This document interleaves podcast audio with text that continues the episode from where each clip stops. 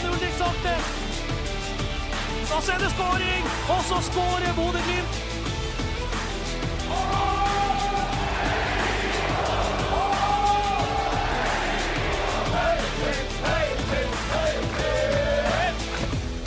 Riktig, riktig god dag og hjertelig velkommen til en ny utgave av Studio Glimt-podden. For en uke det har vært. Glimt er i gang med ny eh, treningshverdag. Sesongen 2024 er i gang, i hvert fall på treningsfeltet. Og her sitter gutta boys til eh, tidenes første TV-innspilte podkast her i studio. Velkommen skal dere være. Jeg ba dere tenke over klesvalget. Hvordan, Trond, vil du trille terning på klesvalget til de som har eh, møtt opp her i dag?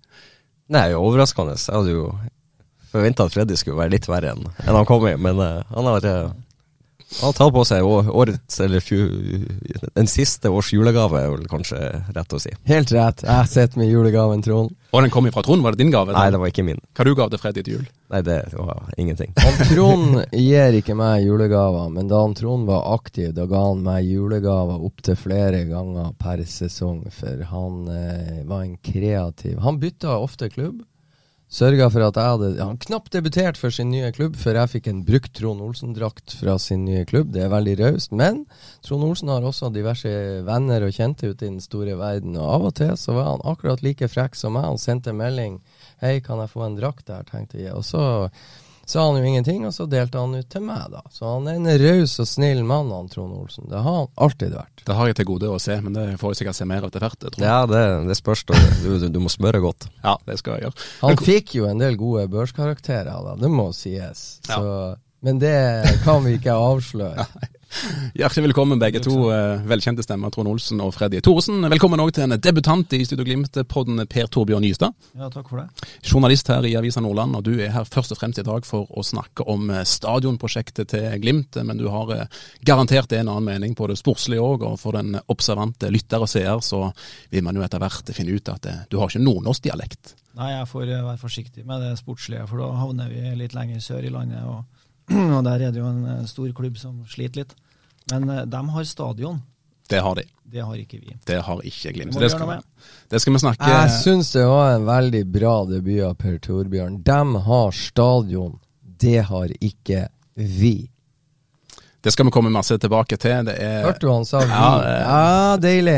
Deilig. Deilig. Vi skal snakke om stadionprosjekt, og vi skal snakke om første uken som har vært. Og det er selvfølgelig, jeg vil nesten kalle det på en måte den beste tiden av året når det er når det er transfervindu som er åpen. Så det skal vi snakke veldig mye, mye om. Og tømme orakelet Freddy og tømme Trond for all informasjon som finnes der ute om overgangsryktet.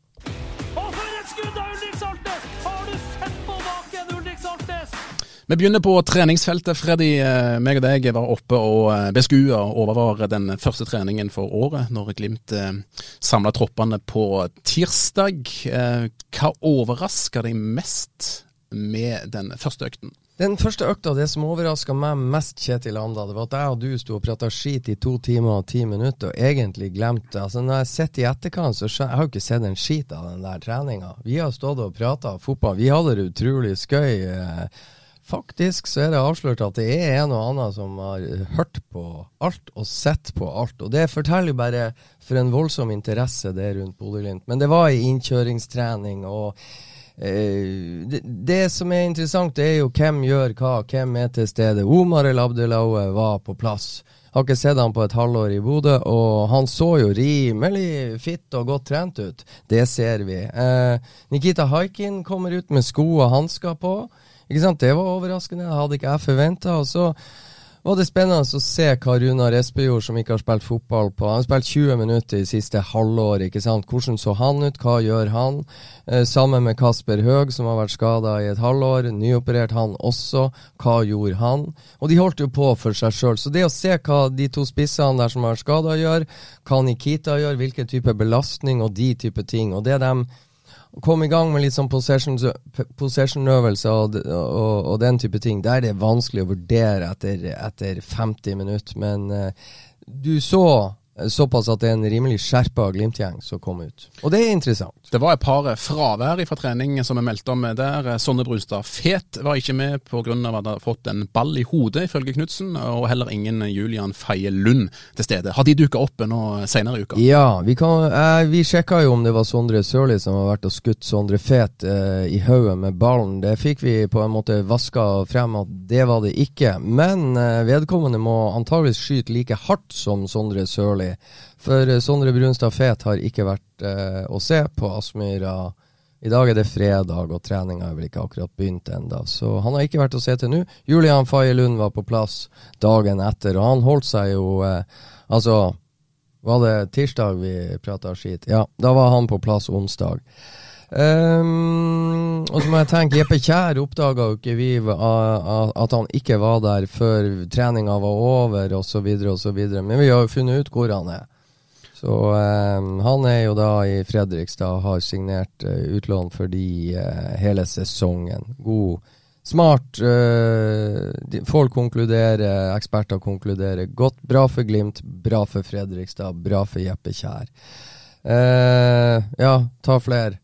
Er det andre um, ting å ta med seg fra treningsuken som har vært, som vi ikke har fått uh, streama direkte ja, hos oss? Det som har skjedd i, uh, etter at første innkjøringstrening uh, er over, er at Faye Lund er, er, på plass, og Sondre Fet har vi ikke sett. Gaute Vetti har vi heller ikke sett. Han avslutta jo sesongen uh, skada med Stabæk, så får vi da se hvordan det utvikler seg. Men det er en rimelig revansjesugen Glimt-gjeng. Kjetil Knutsen har vært nådeløs i evalueringa av spesielt seg sjøl. Eh, jeg har et intervju med han som ikke er skrevet ut ennå, kan avsløre litt. Uh, for, fordi de har gått igjennom eh, på en måte det de gjorde i 2023. Og, og ja, de vant seriegull. Ja, de tapte en cupfinale, og de er videre i Europa og skal møte Ajax. eh, nå 15.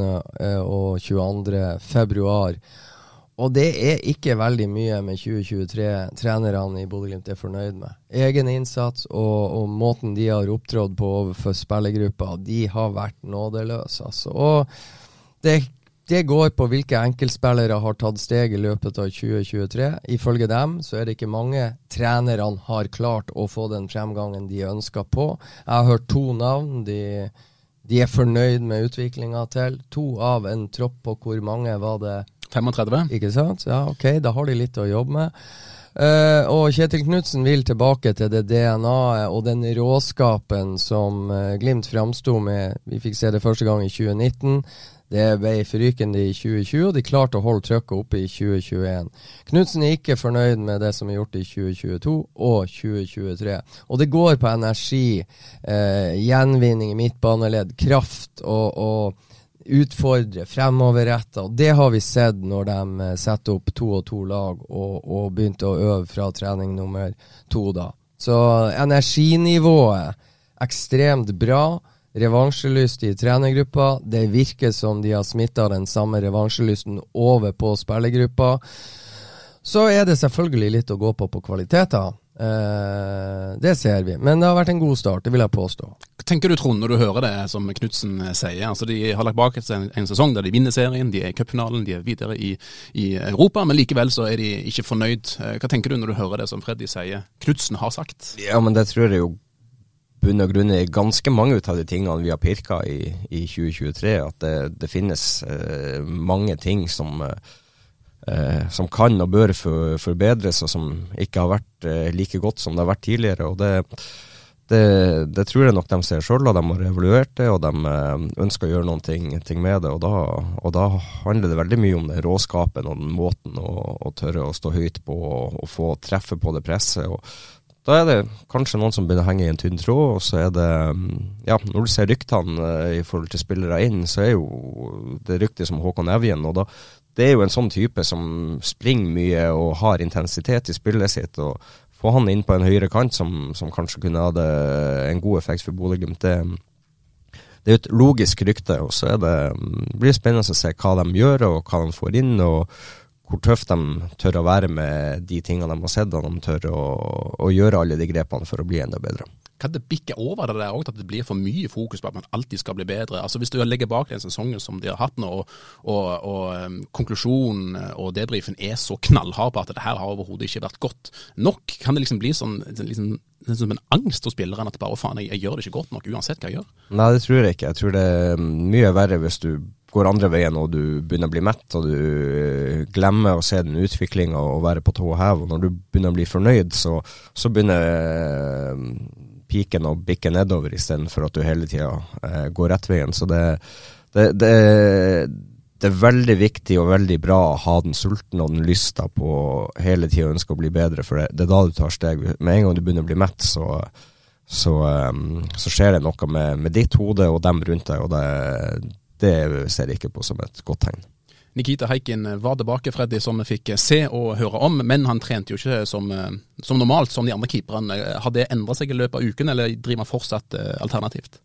Eh, jeg tror eh, Ja, nei, jeg vet han bruker føttene og ikke hendene. Og som Knutsen påpekte, eh, ja, Nikita er operert i skuldra. Han kan ikke begynne å jobbe med overkropp og, og slenge seg til høyre og til venstre og den slags. Men ikke sant? Gaute Helstrup er i Bodø, og Gaute Helstrup hadde enorm suksess med måten han i TIL-systemet bruker egen keeper, som heter Jakob Haugård. Og det er klart, Nikita Haikin er ikke dårlig med føttene, han heller, men han kan ta steg i den delen av spillet som det Gaute gjorde med sin keeper oppe i Tromsø, og det ønsker Bodø-Glimt å implementere i sitt spill. Og derfor så er haiken på plass og en del av spillsekvensene med beina for å ta steg i den delen av spillet. Og For meg høres jo det veldig smart og fornuftig bruk av både trening og Nikitas i forfatning. Det ville, ville vært fullstendig idioti om han skulle fære å slenge seg frem og tilbake. og prøve å redde baller nå så tidlig etter den skaden. Så det, det er skulder. Eh, slår han den opp, så, så er han ferdig for nesten hele vårsesongen. Så det, det, er veldig fornuftig det de gjør, og det er viktig å få han inn i det eh, måten de å spille, frispillinga. Eh, få han på ball, få han til å få inn touch. Det, det, det er så mye annen trening han kan gjøre istedenfor å eh, gjøre alle de keeperøvelsene. Eh, det har han i seg, og det kommer han til å ta fort når han er klar for det. Men eh, vær forsiktig, vær eh, fornuftig, og så kan han trene godt med laget i de i de øvelsene som uh, handler om frispilling og uh, ja, mye på ball. Nå har vi ikke snakket med Heiken sjøl, men det kommer kanskje etter hvert, Freddy, når dere drar nedover til Spania og du får tid og rom til å, snakke med han. Men Knutsen snakket jo på vegne av Heiken på tirsdag, og utelukker jo ikke at Ajax-kampen kan være innenfor rekkevidde for Heiken. Nei, det blir helt sikkert en diskusjon eh, helt frem til 15. Eh, februar, og så hvis man følger litt med på eh, idrettsskader og den type ting, så, så, er det jækla masse ting som skal gå veldig rett veien for Nikita Haikin. Hvis altså Undrenes tid er ikke forbi, det er, jo, det er, jo, det flotte. Det er noen som bruker kortere tid enn andre eh, på å komme tilbake etter en korsbåndskade. Så, så, det kommer an på hvordan utviklinga blir videre. Men uansett, alle stjerner må stå riktig plassert. Det må være nordlys annenhver dag i Bodø. Det må være medvind, hjemlengsel, gode julegaver kommende jul. Det er mange ting som må stå i vater for at det, at det skal være forsvarlig å bruke Nikita Haikin såpass tidlig i tellende kamp etter den operasjonen han har vært igjennom. Det må vi være klar over. Det er ikke umulig. Men sannsynligheten akkurat nå, uansett hva Nikita sier, uansett hva Kjetil Knutsen sier, det, er, det skal mye til. Dere hørte det her og det er fakta. Og så er det vel en faktor òg, Trond, at det å pushe han inn i en sånn kamp som det her, er kanskje ikke like viktig som å ha han frisk hele 2024-sesongen. Det er jo så Går han og spiller de første fem minuttene der og ryker skuldra, så, så, er det jo fullstendig bortkasta. Uh, men uh, går han inn der og, og, står og alt er bra og, og, og det føles trygt, så, så, skal han gjøre det. Men så er det jo også den faktoren uh, Vil Glimt ha inn en ny keeper? Hvem er den keeperen de da eventuelt vil ha inn? Uh, er det en spiller de kommer til å um, uh, registrere som en av de tre nye? Så det, det er så mange faktorer. Henter de inn en ny keeper som da de skal registrere inn, så kommer han til å stå. Det, det er jeg overbevist om. Per Torbjørn, det er jo en luksus vi har her. at det her er tidlig i januar, og sesongen begynner jo om en, om en eh, drøy måned. Nå er andre eliteserielag òg i gang med trening, men kampene begynner jo for Glimt allerede. For en fantastisk tid vi lever i. Um, eh, det er jo spesielt å eh, Jeg fikk jo med meg Rosenborg-tida når det var eh, Det var jo en høytidsæra for alle. og og det er klart det var veldig spesielt i Trøndelag og for alle trøndere å holde på med det her. Og, og det at Bodø folk og hele Nordland egentlig får lov å være med på det som skjer på Aspmyra, er jo egentlig helt utrolig. da. Det, det er jo to-tre klubber i landet som har fått en sånn reise, og, og det ser jo ut som at det, igjen. Det er ikke over, det her. Det er helt sant. Så er det skåring! Og så skårer Bodø-Glimt! Jeg må snakke litt om uh, silly season og det som skjer på overgangsvinduet, Freddy òg. For um, og var det som du sjøl sa, Jeppe Kjær har uh, dratt til Plankebyen og skal bytte ut uh, et fylke med et annet fra fjoråret, og skal spille i Fredrikstad denne sesongen her. Hvilke forventninger har du til utlånet hans, og hva kan vi få ut av det, og hvor, hvor god kan han bli? Altså, Hva kan vi forvente han i 2025? Det er langt fram ennå. Nei, altså Jeppe Kjær kommer til å bli en eh, bedre fotballspiller i løpet av 2024 enn det han er akkurat nå. Jeppe Kjær tok eh, Altså, Bodø-Glimt er i en spesiell situasjon. Det, de har mange spillere, og det, det, er ikke alle som kan eh, spille fra start i Eliteserien osv. Så, videre, og så, videre. så det å ta et talent som han og plassere han Siste halvdel av fjorårssesongen i Sandefjord, der fikk han spille, og det så vi, Trond. Han utvikla seg jo nesten fra kamp til kamp, ikke sant. Så det er jo det der at han får lov å spille og stå med ansvaret. Han, han er litt sånn ung, har litt sånn der juniorfeil, som han skjuler bedre og bedre, syns jeg underveis når han står med ansvaret i Sandefjord. Skal han fortsette med det da i Fredrik? Det er jeg enig i, men uh, nå, nå, anser jeg uh, Sandefjord for et litt bedre lag enn det Fredrikstad er. Så det kan bli en litt ny utfordring, for uh, kanskje det forventes litt mer og kreves litt mer av han i Fredrikstad. Det er en annen trenertype han møter i Fredrikstad. Det, det, er en annen, men kanskje en som er mer lik han Kjetil òg. Ja, korrekt. Uh, så det, det kan være en god match, men det avhenger litt av Fredrikstad òg som, som, lag og klubb. De er nyopprykka. Får de en god start, så kan det bli bra. Får de en tøff start Og så avhenger det av Jeppe Kjær sjøl. Selvfølgelig. Det er, jo, det er, jo, Han må, ikke sant, eh, bli enda mer voksen både på og utafor banen, så han, han, må gå inn og ta, ta rollen sin og, og ta, forsyne seg av kaka og har lyst til å bli bedre. Så det, han er den viktigste faktoren for, for sin egen utvikling, men, men, så handler det litt om lag. Også. når du spiller på et lag som ikke presterer, så blir det tøft. Da er det uh, verre for uh, enkeltspillere å skinne. Er du på et lag som flyter og som, som, er godt, så er det lettere å få den selvtilliten til å gjøre den ekstra dragninga, sette ballen opp i det lengste hjørnet og, og, og gjøre de her eh, X-faktorene. Så um, det blir veldig spennende. Han er han er en uh, spennende spiller, uh, kan um, ta kjempesteg. Men um, det her året blir veldig viktig for han for å bevise at han er en uh, spiller som skal inn i Bodø-Glimt i 2025. Absolutt. Har, du, har, han levd opp til forventningene dine, Trond, til han ble henta? Han kom jo ifra, eh, ifra Ajax sitt akademi og er jo hylla for sitt, eh, sitt talent. Jo, jo, da, men hvor mange er det ikke som har vært rundt omkring i akademi og frem og tilbake? Og så du, du, kan gå til City og se en Oscar Bob. Han, han har jo knapt spilt i Norge, og han har vært der. Egentlig ikke hørt så veldig mye om han for de siste årene, og plutselig så bang.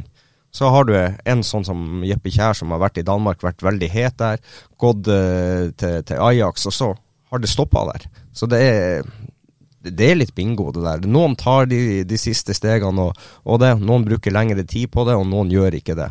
Uh, Jeppe Kjær han er nødt til å, å, vise litt mer i år enn hva han har gjort frem til nå. og Hvis han skal ha et mål og et ønske om å spille i Bodø-Glimt, så, så, er dette året ekstremt viktig for ham. Hvor godt kjenner du Jeppe Kjære, Freddy, og hvor er det skoen trykker? Hvor er det han må forbedre seg for å være aktuell for å spille for Glimt? Nei, altså Det her er Det er ingen fasit da i fotball. Trond har peka på en del riktige ting. Men Jeppe, det gikk veldig fort for Jeppe Kjær. Og det, og det, det er vanskelig å være sånn vidunderbarn Altså, du, du er 16 år, du kommer inn i, i uh, Du kan ta Ødegård. Hvor lang tid brukte ikke han? Ikke sant, det er et godt eksempel. Og, og, og Jeppe Kjær kommer inn for Horsens i Danmark som 16-åring. Får tilfeldig sjansen hos Bo Henriksen. Og så tar han på en måte Superligaen med storm. Han har målgivende pasninger, han skårer mål. Og så spiller han knapt 10-15 kamper, ikke sant. Så blir han solgt for 25 millioner som 16-åring til Ajax. Det er klart du er 16 år, du er ung og dum, du, du skal reflektere over det her. Du er jo superstjerne uten at du egentlig er det. sant? Og så kommer du til Ajax, en helt ny hverdag. Du sitter alene i utlandet, covid eh, slår ned, du får ikke besøk. Du er din egen herre. Og når du er 16 år, så du kan ikke lage mat, du vet ikke hva du skal spise. Du kan egentlig ingenting annet enn å slå av vekkerklokka når den ringer og du bare bestemmer deg for å legge deg ned og sove igjen. ikke sant? Det kan du. Eh, så, så, du er jo ung og dum. Og han er fortsatt ung og dum. Han, en, han kommer og er en juniortype. Talentet er udiskutabelt. Så det er at han eh, vokse og skjønner sjøl. Patrick Berg avslørte en gang hva var det som, som, gjorde at han plutselig tok av i 2019. Plutselig gikk det opp for han.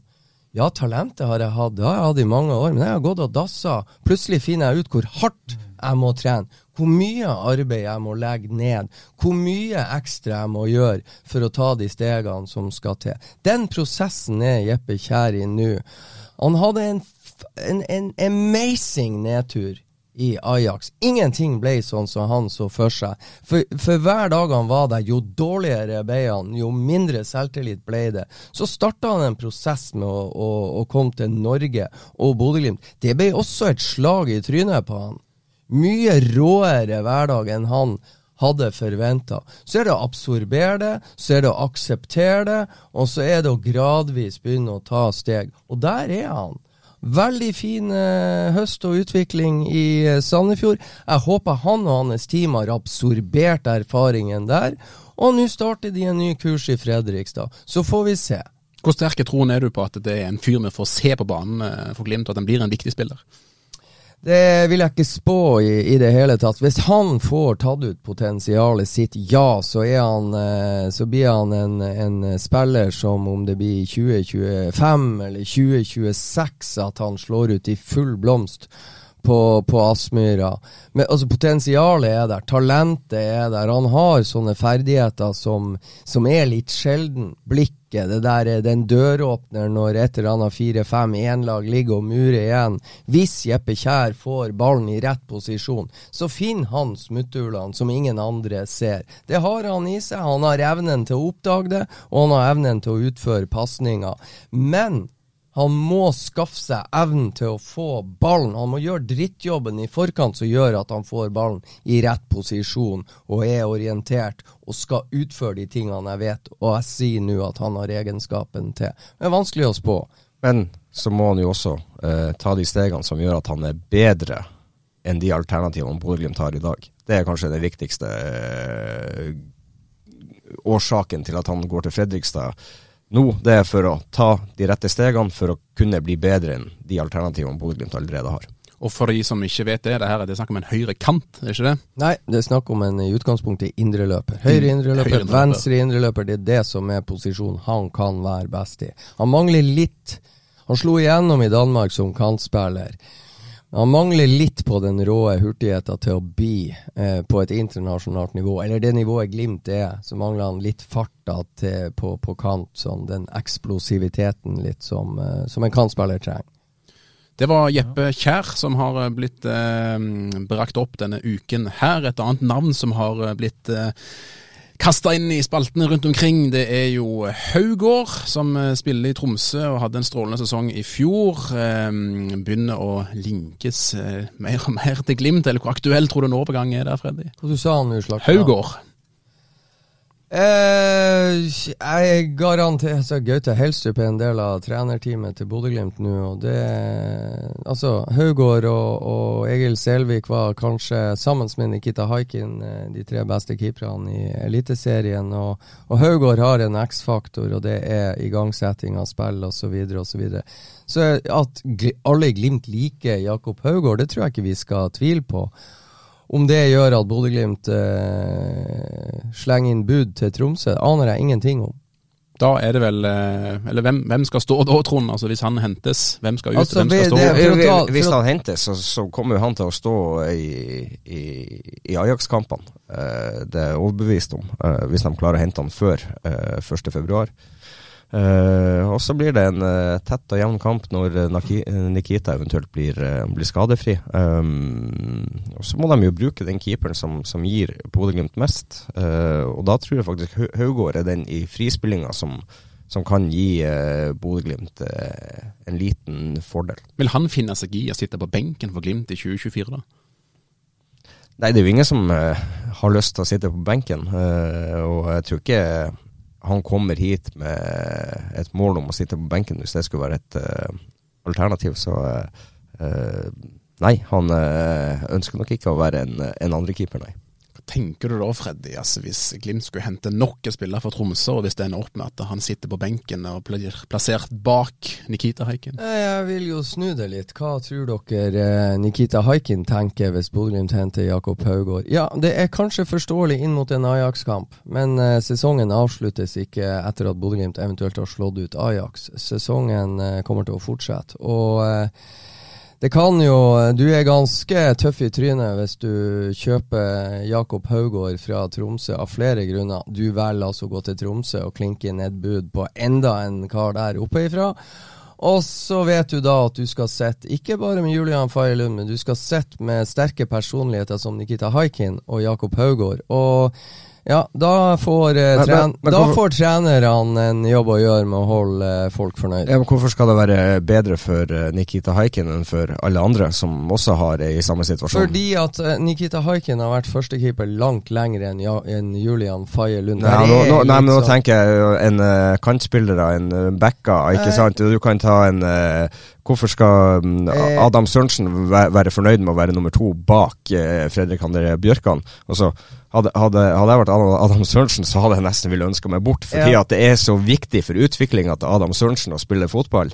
Men han er sterk. Han, han tåler å sitte på benken. Han har gjort det i hele fjor, men på sikt så er ikke det bra for hans karriere, hvis du skal være egoistisk og tenke på uh, veldig, veldig godt poeng, men er det noe vi som har lang fartstid i fotballen, så er det noen som har sagt keeperne er spesielle på alle mulige måter. Det er spesielle typer, de er helt annerledes enn alle andre fotballspillere. Det er noen karakterer, en annen dimensjon. Så er du, er du førstekeeper, så er du førstekeeper. Og det å ha to så soleklare førstekeepere Det bare ser rundt Det har vært deilig. Det har vært Ja, jo, deilig, jo, for det, Trond, du gjør Trond, begge keeperne bedre. Trond. Trond, Trond, la meg snakke ferdig.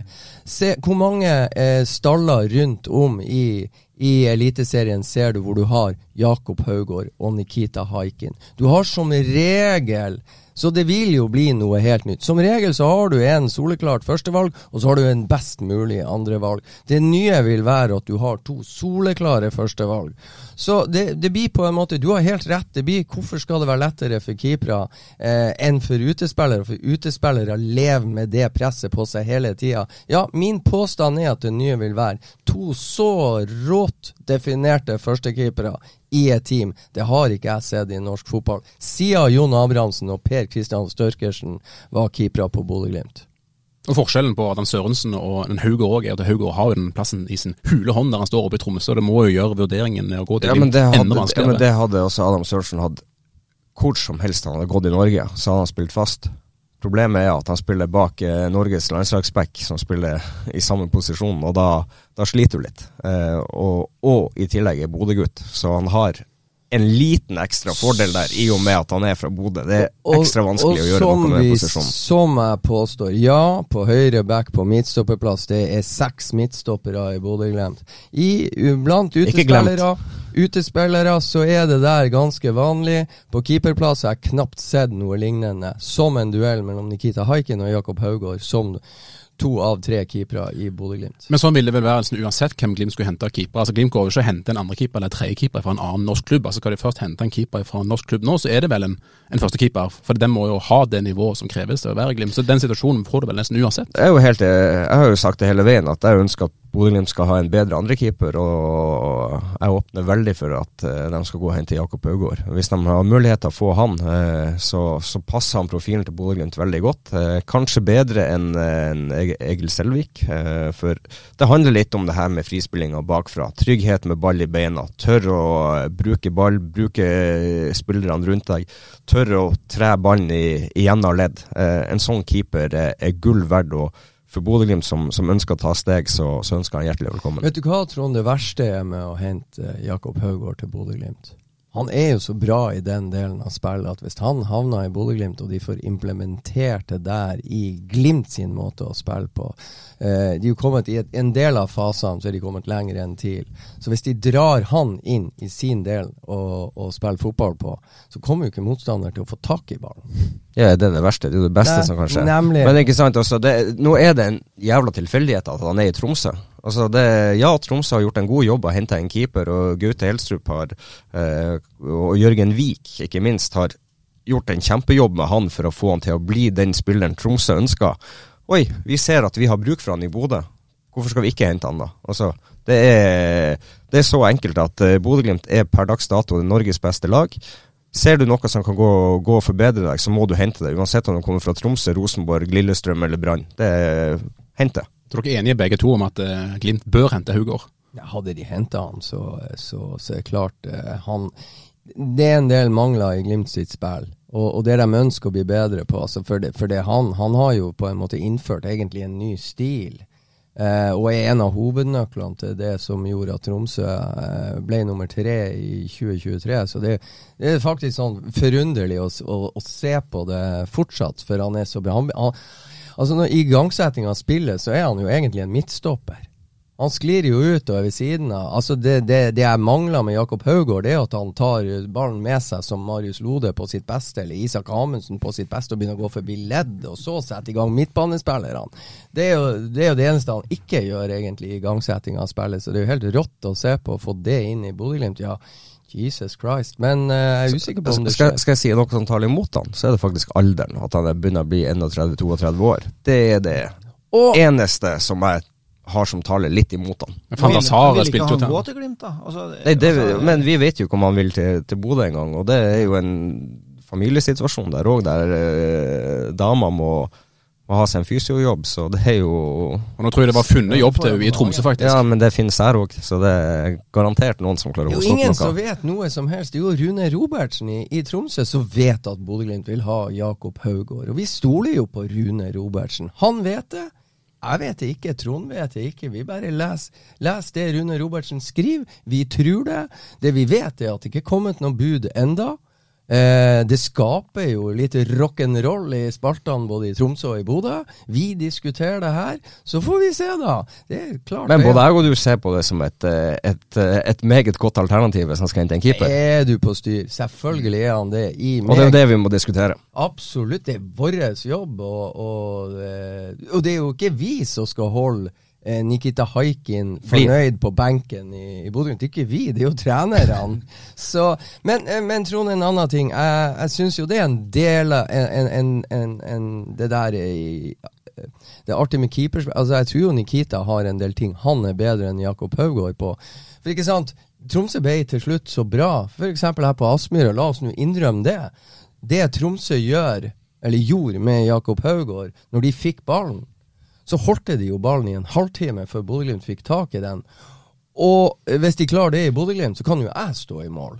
For det at motstanderen får jo ikke lov å låne ballen. Mm. Så, så, men jeg, jeg Nei, tror du kan, jo, du kan, jo, ikke det, for du er ikke så god med beina. ikke Nei, sant? Og du jeg, blir ikke en ekstra spiller. Nei, og, det, og, og, og, det, er jo litt av det poenget når du har en keeper som er så god. Ja. Mm. Du blir en ekstra spiller, og det er veldig, veldig mye verre for motstanderen å få til et godt press når du har en så god ballspiller eh, som en ekstra mann eh, bak som du kan og trille av. Har du lest boka til Johan Cruyff? Johan Cruyff var en god spiller i Nederland. Han lefla jo da han begynte å bli trener, eller egentlig også når han var spiller.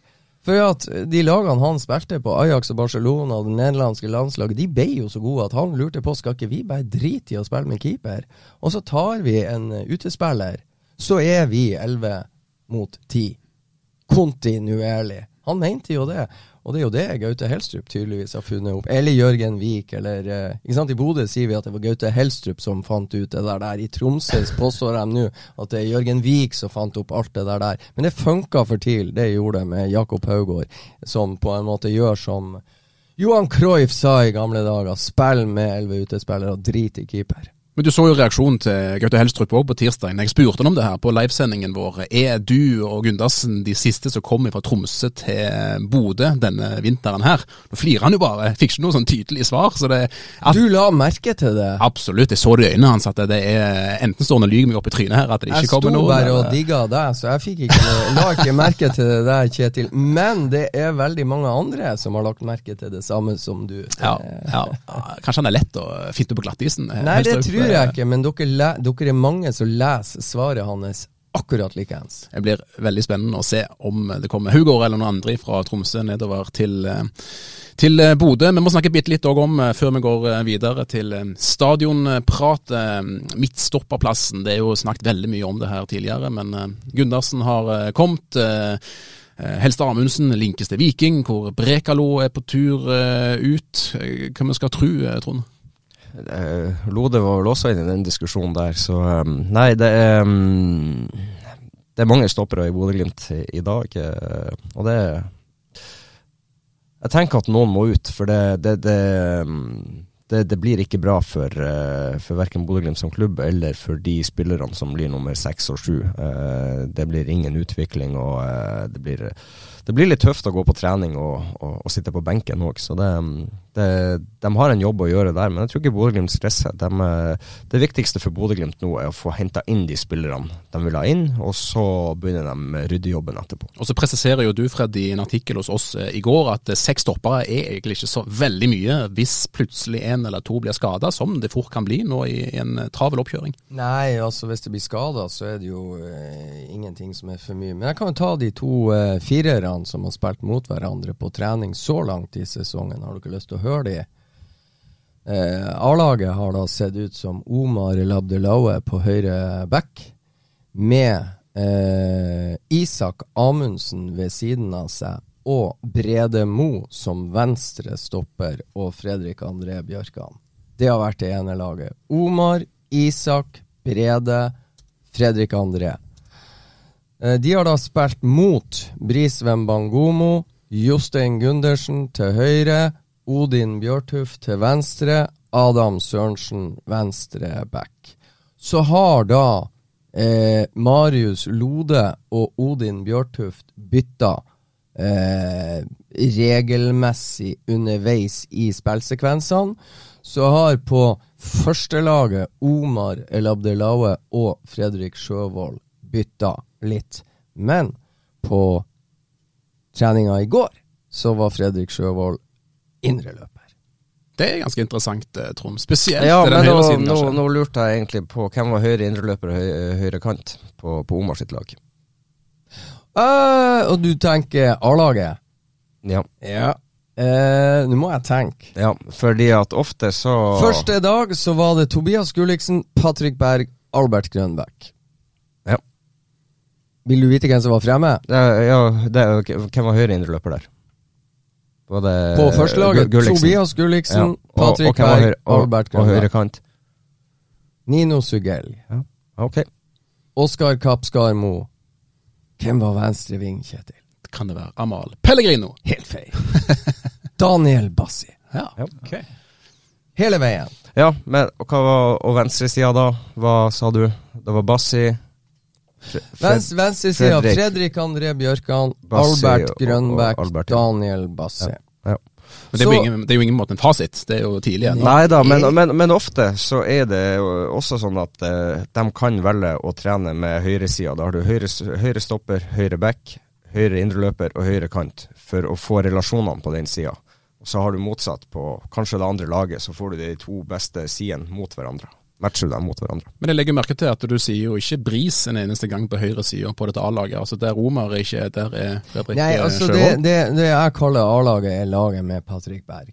Jeg tar Patrick Berg sitt lag, og det er jo ikke så eh, Altså, er Pat Patrick Berg sentral midtbane og Albert Grønbæk venstre? Så hvem er det de har i lag med seg? Ikke sant?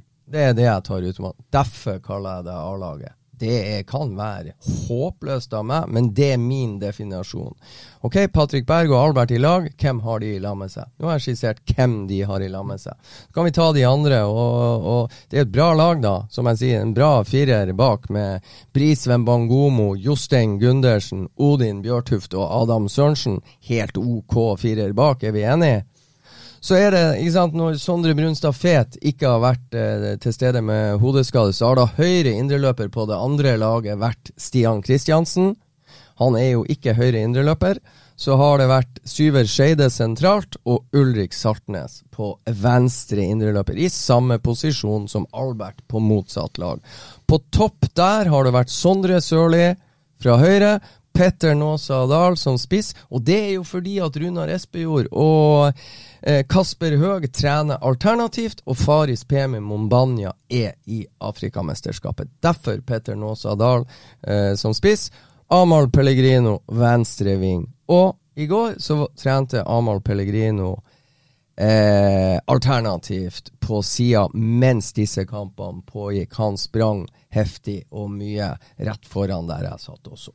Lar du deg overraske på noen måte av den backfireren som eh, Freddy ikke ser det her? Nei, det, men, det, men det er tidlig ennå. De kommer til å Vi skal ikke og- lese etter tre Nei, dager. du- du- det, det er så artig å bare slenge ut det vi så. Ja, men samtidig så, så er det litt som jeg er inne på, at du, du, du kan se høyresida i en kontekst med kanskje en sentral eller med spissen.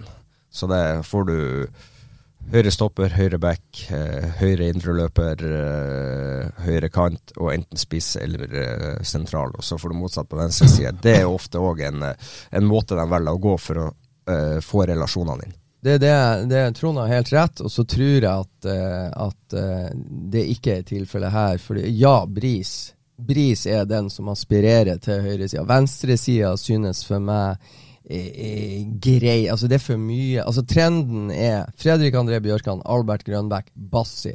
Bassi er det for å jobbe med, med den der gjenvinninga, den der forflytninga. Det er fart, eh, rekkevidde, defensiv vilje, ikke sant. Derfor tror jeg de er para i hop nå. Og så har du høyresida da med, med på det andre laget, hvor det da er eh, Bris Bangomo, som jeg tror det er den som har størst sjanse for å komme over på det andre laget, sammenligna med Stian Kristiansen og Sondre Sørli akkurat nå. Blir man prega på noen måte der, tror når man er spiller og ser formasjonstreningen, sånn som i Bris sitt eh, tilfelle f.eks. Jeg ser at både Omar og, og Ik ikke, ikke akkurat nå, men når det begynner å nærme seg og dra seg til at eh, kampene begynner, og det, så ser man eh, konturene ut av det, og det er da du begynner å kjenne på det. Akkurat nå så går det veldig greit, fordi at det er trening, og du eh, må bare vise det frem. Men når det begynner å stramme seg til, og du begynner å møte kampene, og du begynner å se at ok, jeg er ikke på laget, hva må jeg gjøre nå? Og da, da begynner tankene å, å gå litt, og da, da har du da har du noen utfordringer der du må jobbe med deg sjøl, og så må du finne ut hva du, eh, hva du må gjøre, og hvordan du må bli bedre for å ta den plassen. Og så beviste altså En av de vakreste sekvensene i går på trening var jo når eh, Brisveen Bangomo ser hva det er superstjernene prøver på, og så bryter han ballen, og så går han innover sånn som han gjorde. Altså Han bryter ballen i fart fremover, skjærer innover som han gjorde på sitt beste i 2023-sesongen. Ruller videre innover til sentral midtbane, som ruller videre til venstre ving, og A-laget er totalt utspilt etter en, eh, et brudd og en utførelse av Brisveen Mangomo som er henta fra øverste hylle. Så eh, det er tøffe tak, og det, det, det er mange som vil være med på mye. Men vi har jo en Omar da, som har vært ute lenge. eh, ja, eh, han fikk jo egentlig ganske mange kamper i fjor, selv om det ikke føles ut som det. Eh, men har vi trua på at han kan komme i år? Eh, har han vært litt for lenge ute av ting og spilt for lite kamper, og klarer han å ta det nivået Bodø-Glimt ønsker? Ja, og der, Trond, der må du dra frem fotballspilleren i deg, og all uh, hukommelse og kompetanse som du har for det fra den tida der. For det er det du er inne på nå. Én ting er å trene hardt og godt fysisk i kontrollerte omgivelser med deg sjøl, og en trener som står og pisker deg. Nå og det er kontrollert, ikke sant. Det er kraftfullt, det legges ned en voldsom innsats. Skal du ut på fotballbanen og bare overleve possession-øvelse på Aspmyra, så er det Ja, du kan kontrollere deg sjøl, men ikke sant. Omar kontrollerer ikke hva Isak Amundsen og Jostein Gundersen gjør hvis de er i en duell med deg. Så du har jækla mye du skal passe på som du ikke kontrollerer, og det er jo akkurat det der der. Er du robust og rusta til å stå i kampsituasjoner? Det er noe annet enn å trene deg tilbake etter skade med en fysisk trener. Og gjorde seg ikke på noen måte bort i fjor heller, Omer, i de kampene han fikk spille?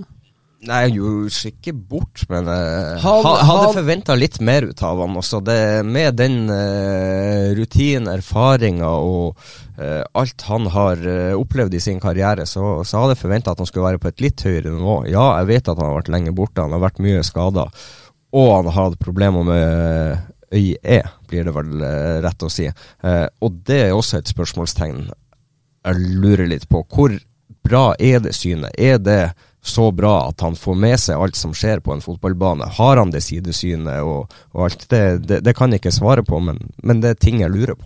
Du påstår at eh, det går ikke noe utover selvtilliten til Bris per nå, at han ikke foretrekkes på A-laget til, eh, til Freddy, men kanskje det er noen i andre enden av skalaen som kanskje får selvtillit, f.eks. en, en Bassi, at han foretrekkes, eller at han iallfall får prøve seg i, i den rollen der. Det må vel gi litt selvtillit allerede nå?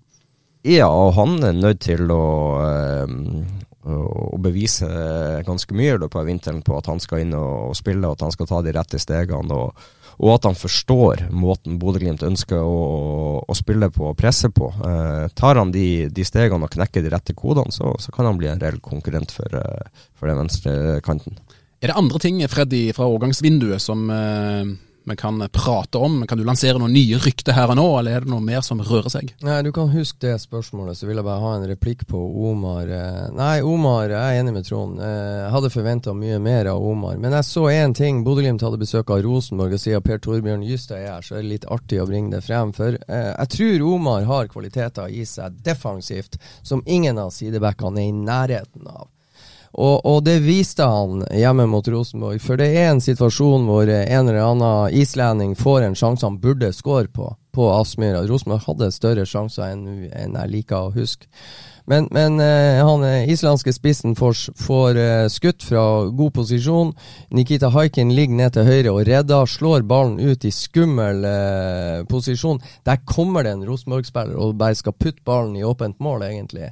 Han, han, har, han er nesten begynt å juble. Det han ikke ser, er at Omar El Abdelaue leser situasjonen bedre enn han, og soper bare unna ballen før han får skudd. Så det, de defensive kvalitetene som, som Omar El Abdelaue har, og det har han bevist i Bodø-Glimt, det han ikke har bevist, er de offensive. Så, så hvis Omar får en, en, en god start nå, og, og, og får lov å, og trener regelmessig, så tror jeg han eh, i 2024 kan vise mye, mye mer enn han fikk i 2023. Så det blir spennende. Og lykkes han med det, så har han som sagt defensive kvaliteter som ingen, ingen andre sidebacker i Bodø-Glimt har. Sinnssykt spennende. og ma- mange ting å følge med på utover sesongen og oppkjøringen. Hvem, Men- hvem spiller hvor? Men, men så har du det motsatte igjen. Har han de offensive kvaliteter som Bris har? Korrekt, Som igjen er Bodø-Glimt sitt uh, varemerke nå, hvordan de ønsker å, å, å fremstå. Så det er Ja, det, det kan være at han har de defensive kvalitetene, men så er det i mo- motsatt ende igjen.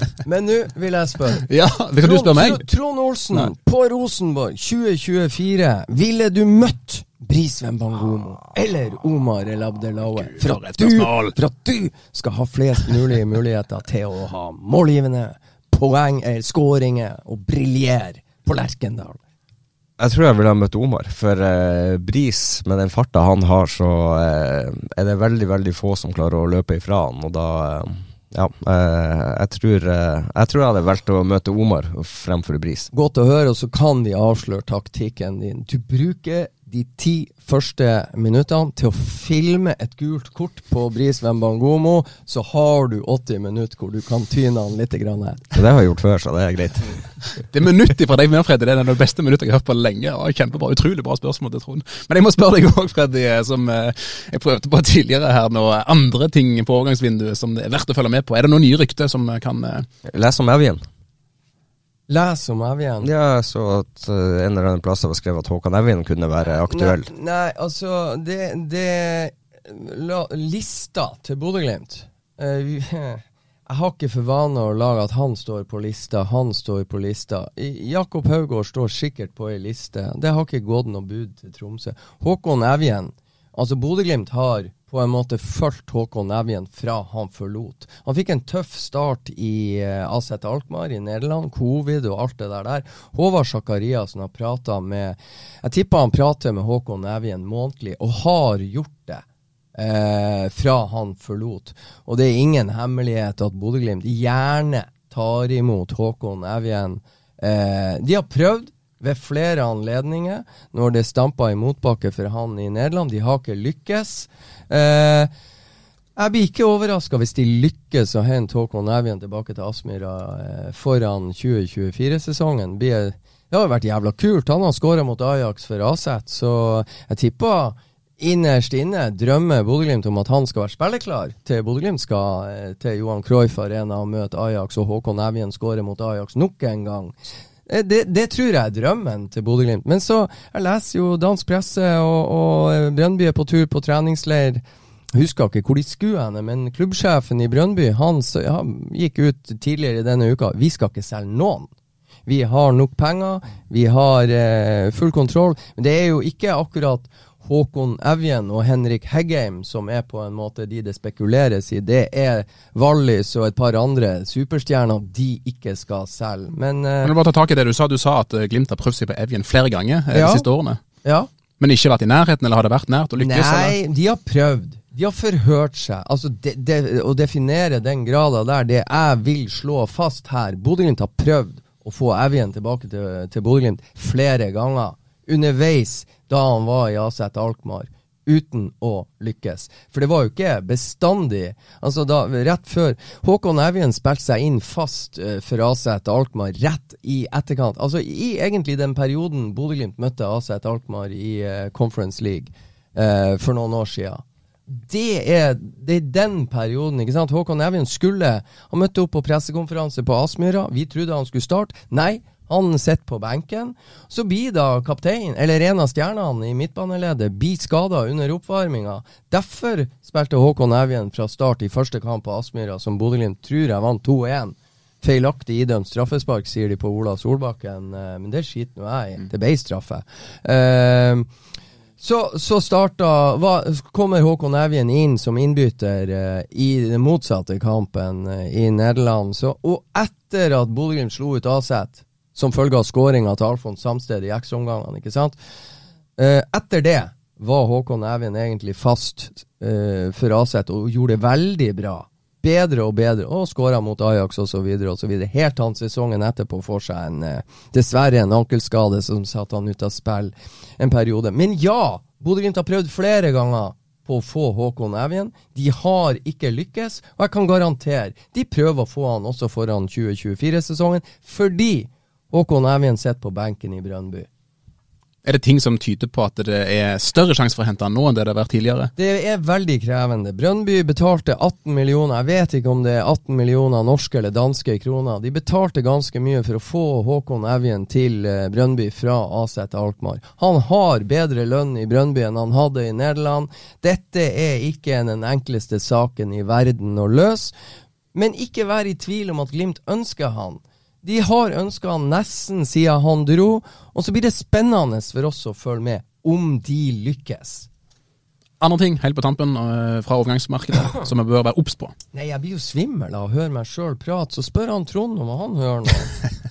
Trond, Trond, Nei, har du, har snakka med Jim Solbakken hvor det går med han Ilic i Vålerenga, han eh, Danilo Kan ikke, kan ikke røpe kildene mine, men Nei. eh, nei, jeg har ikke, ikke noen sånn håndfast akkurat her og nå. Uh, Men du er jo gammel fotballspiller, du kan røpe kildene, men ikke hva de sier. Ja, det kan jeg. Men eh, nei, du, Al-Saeed, ja. Uh, vært veldig stille rundt han. Uh, men, men det er jo Bodø-Glimt i et nøtteskall. De er ekstremt flinke til å holde ting tett, og så plutselig uh, smeller det, og uh, en ny signering er på plass. Og det, blir veldig spennende å se hva de får til de neste dagene, for eh, de er garantert ikke ferdig på overgangsvinduet. Jeg har et lite forslag eh, til deg, Kjetil. Du kan For Rune Robertsen oppe i Tromsø, han har jo tydeligvis et eller annet der.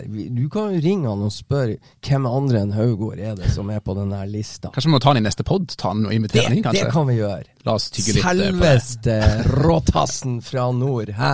Så snakker vi litt sånn Bodø-Glimt-Tromsø-gærenskap, hat. Det hadde vært mayhem, det. Verdt å høre. God idé. Absolutt.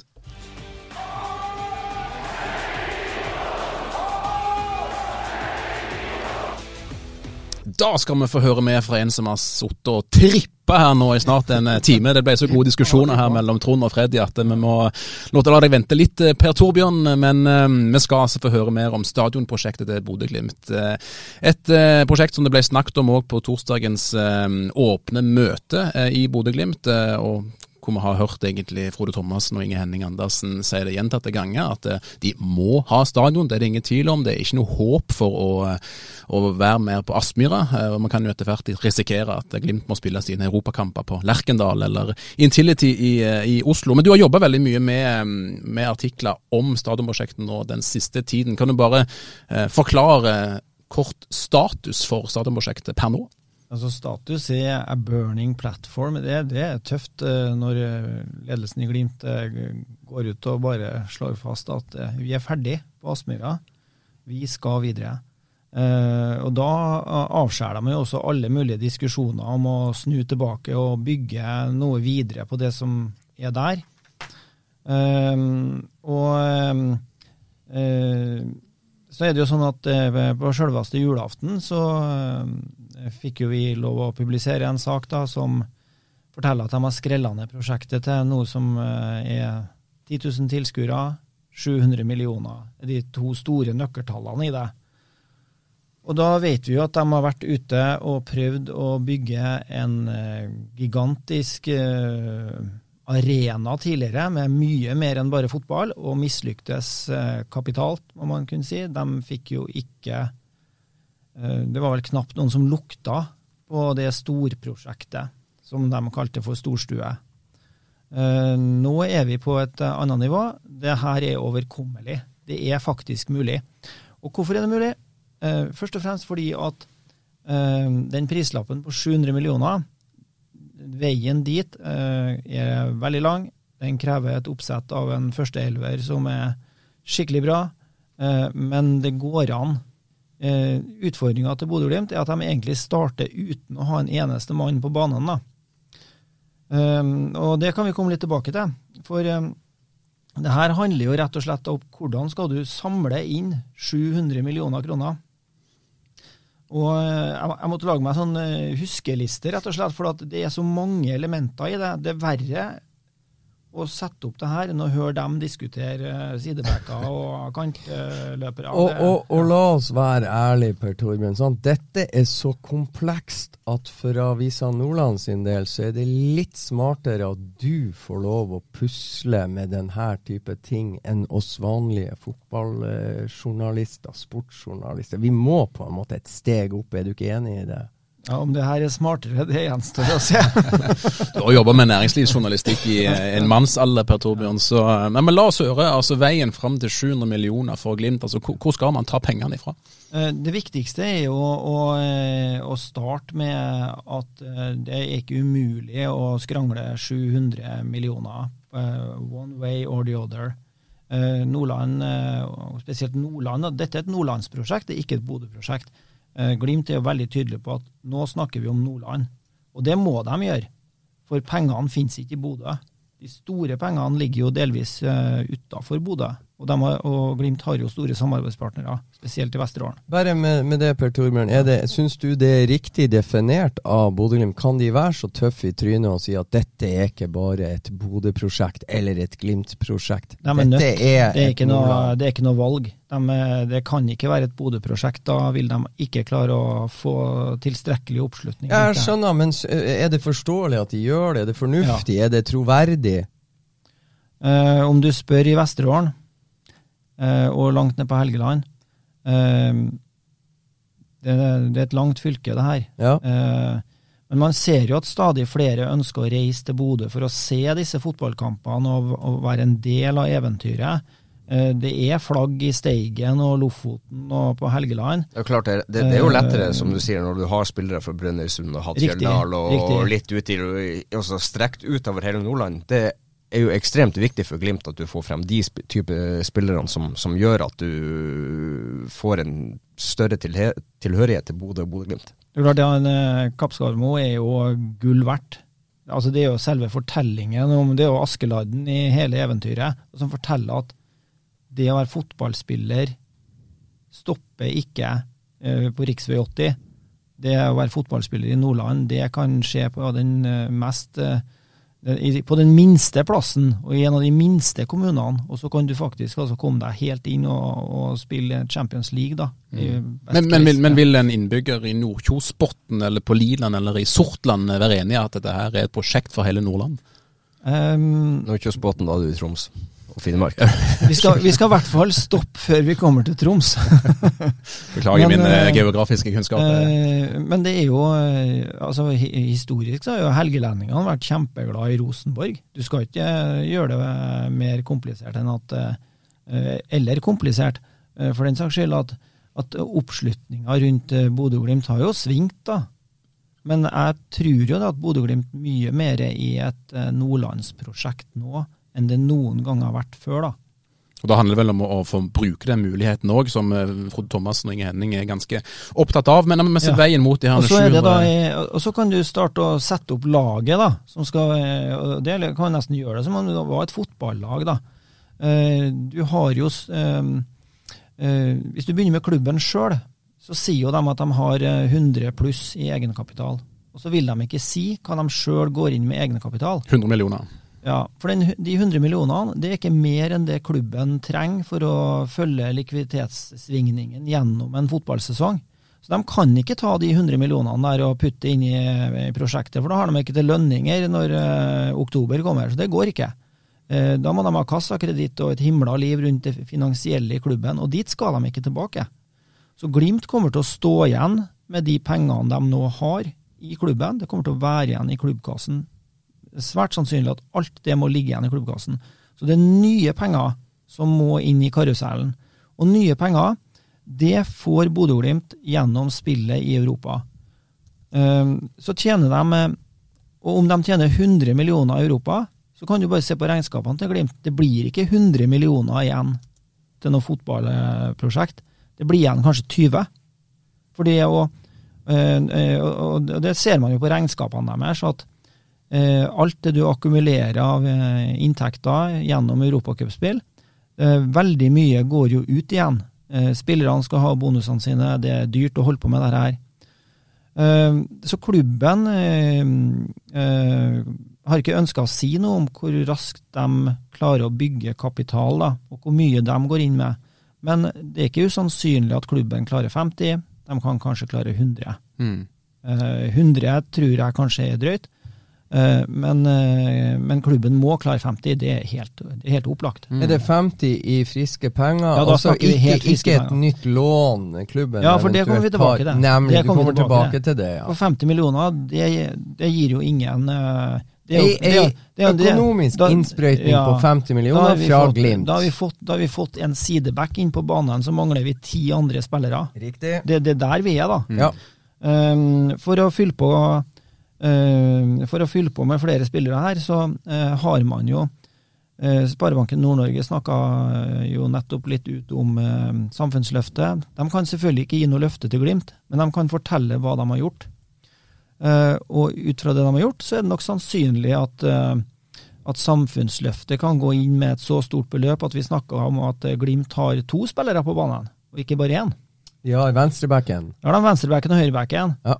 Uh, uh, hvis vi går videre derfra, så finnes det jo en del støtteordninger. Man kan vel kanskje forvente også at, uh, at det kan Glimt har jo et apparat nå som jobber med alle mulige tenkelige måter for å få tak i tilskudd, om det er Enova, spillemidler. La oss si at de klarer å skrape sammen til en tredje spiller, da. Gjennom ulike støtteordninger, kanskje også Bodø kommune kanskje Altså som da faktisk er vertskommune. Vi, det, det, er jo slik at dette skjer jo i Bodø. Det er jo her det bygges en sånn hall. Um, så eh, når du går videre derfra Men du, bare for å ta eh, samfunnsløftet til Sparebanken eh, Nord-Norge. Hvor mye tror du Du har sagt det, hva kan de? De har sagt at de har gitt 50 millioner to ganger tidligere. 50 millioner tidligere, ja. Ja. Og så er du eh, på andre støtteordninger, altså Enova spillemidler. Hvor mye kan de forvente å få derifra? 20, 30 20-30, ikke sant. ja. Og så Nå begynner han å regne vet du, og legge Ja. sammen. Ja. Og så eh, Klubben eh, bør jo klare å legge 50 på bordet. Ja. Um, Så da har vi i beste fall på en eh, 70-80 millioner til nå. ja, vi begynner 50 pluss 50 pluss 20, så har vi passert 100. Ja. Ja, unnskyld, ja. Um, uh, den videre veien derfra, uh, så har du spillersalg. Det tror jo kanskje mange at det er noe som gir klubben inntekter til en stadion, men det er det jo ikke automatisk. Så hvis de selger eh, Grønbæk nå og får 100 millioner, så er det ikke sånn at de 100 millionene kan pakkes rett inn igjen eh, i, som 100 millioner i, kapital til en, en stadion. Eh, det fordeles over år. Og så ligger jo Nordlandsglimt, det gamle spillerinvesteringsselskapet, ligger jo der fortsatt. Så pengene rutes jo gjennom Nordlandsglimt. Og det her har jo beskytta eh, Bodø-Glimt mot eh, store økonomiske ulykker. At man har hatt spiller- og spillerøkonomi på ett sted, og klubbøkonomi et annet sted. Eh, og så er det jo sånn at den Nordlandsglimt-modellen, den er jo på oppløpssida, mener veldig mange. At eh, eh, det, altså, eh, klubben kan jo nå sjøl egentlig kjøre disse overgangene rent økonomisk. De trenger ikke Nordlandsglimt sånn som de gjorde det for ti år siden. Um, og i det så ligger det jo i oppsida at hvis Nordlandsglimt da er et selskap som med sine aksjonærer da, blir sittende igjen med en god del penger, som egentlig de ser at nå er vi litt ferdig med det at det her skal brukes til nye spillerkjøp og spillersalg. Nå går det over til klubbens egen, så kan man jo gjøre opp det boet, da. Og så tar man det som da ligger igjen i Nordlandsglimt. Og alle de som er i Nordlandsglimt, alle dem har jo et hjerte for Glimt. Så det, det er en mulighet. Eh, at det, og da snakker man jo om eh, den kapitalen som ligger, i, ligger igjen i Nordlandsglimt. da. Hvis man sier at nå er det historie, la, la oss si at det er 100 millioner igjen der, da. Hvis de har solgt eh, Paris Femi og Grønbæk, da. Uh, men det, det blir en sånn X, da. Mm. Men, men det er en mulighet. Mm. Uh, Så er det jo sånn at når, når Glimt spiller på Aspmyra, så er ikke det gratis. Glimt betaler årlig 12 millioner til Bodø kommune. Det er jo 12 millioner de like gjerne kan betale på et lån. Og med 12 millioner så, eh, så er det jo sånn at La oss si at klubben da kan bære et lån på 250 millioner. Jeg tror ikke klubben er veldig sulten på et lån på 250 millioner. Eh, klubben tror jeg ønsker seg et, eh, et lån som er, er lavere enn det. Lavest mulig. Selvfølgelig, men, men, men samtidig så ser de jo det at 200, det går. 400, det går ikke. Det tror jeg ikke de eh, Det vil de ikke. Nei, for Per Torbjørn, ikke sant, hvis vi sier sånn som realitetene var i fjor, sånn som realitetene er i år, så betaler Bodø-Glimt 12 millioner i året for å være på Aspmyra. I ti år så er det jo snakk om 120 millioner i leiekostnader. Sånn at eh, for Glimt sin del, det, er jo- det blir jo det samme som at jeg er på leiemarkedet. og så Kommer jeg meg inn og kjøper min egen bolig, så betaler jeg ned på noe som Riktig. er mitt. Og du betaler renter og avdrag i stedet for at du betaler til Bodø kommune. Ikke sant? Um, så, så der ligger det matematikk i det. Uh, men så uh, Det klubben har uttrykt, på en måte, er jo at 400 er for mye. Uh, Hadde de fått et lån på 400 hvis de ønska det? nei, Nei. Det hadde de ikke fått. Da hadde noen uh, dratt i klokkestrengen. Det, for det finnes jo uh, eksempler på stadionprosjekter i På Der- Sørlandet. Der, der det har gått fryktelig galt. Så Eh, Så at en bank, ja ja, en, en velvillig, snill bank kunne sikkert ha gitt dem 400 millioner, men det er ingen klok strategi om klubben skulle låne det. Men 250, det kan de få låne? Ja, det kunne de ha håndtert på egen hånd. Ja, Det, og, eh, og så er det jo sånn at eh, eh, hvis de hopper på å bygge en skikkelig grønn stadion, så har det en renteeffekt for dem. For eh, og det har med EU å gjøre, og det er jo interessant i seg sjøl. EU strammer jo til skruen i forhold til byggeprosjekter, og, og bankene henger seg jo på det her. Eh, og de prosjektene som er skikkelig grønne, de får altså bedre rente. Det ligger det en gevinst i. Det er som å ha et grønt boliglån. Det kan det sammenlignes med, ja. Mm. Eh, Grønne lån, eh, billigere penger. Så skal de kjøpe tomt. Den kosta 81 millioner. Jeg har ikke fått svar på om den ligger innafor eller utafor de her 700. Så Glimt er ikke kommet helt dit at de har en hel pakke å legge på bordet. De har sagt noe, men det gjenstår jo en del detaljer her. Annet tomta. Eh, og så er det jo sånn at eh, fylkesrådslederen, Eggesvik, han gjorde det jo egentlig ganske tydelig at eh, de får ikke tomta til kroner én. Som de gjorde i Oslo, f.eks. Ja. Nordland fylkeskommune er ikke en kommune. De ivaretar interessene i hele fylket. Markedsprisen, en snill markedspris, er satt til 81 millioner. Eh, Men Glimt trenger kanskje ikke å kjøpe hele tomta. Så hvis vi sier at ut fra 80, at 81 er innafor de 700, og så sier vi at det er innbakt i det ligger en rabatt, da. Og da ligger det noen titalls millioner en, en mindre pris på den tomta. Um, da er begynner vi nærmest å nærme oss bånd, da.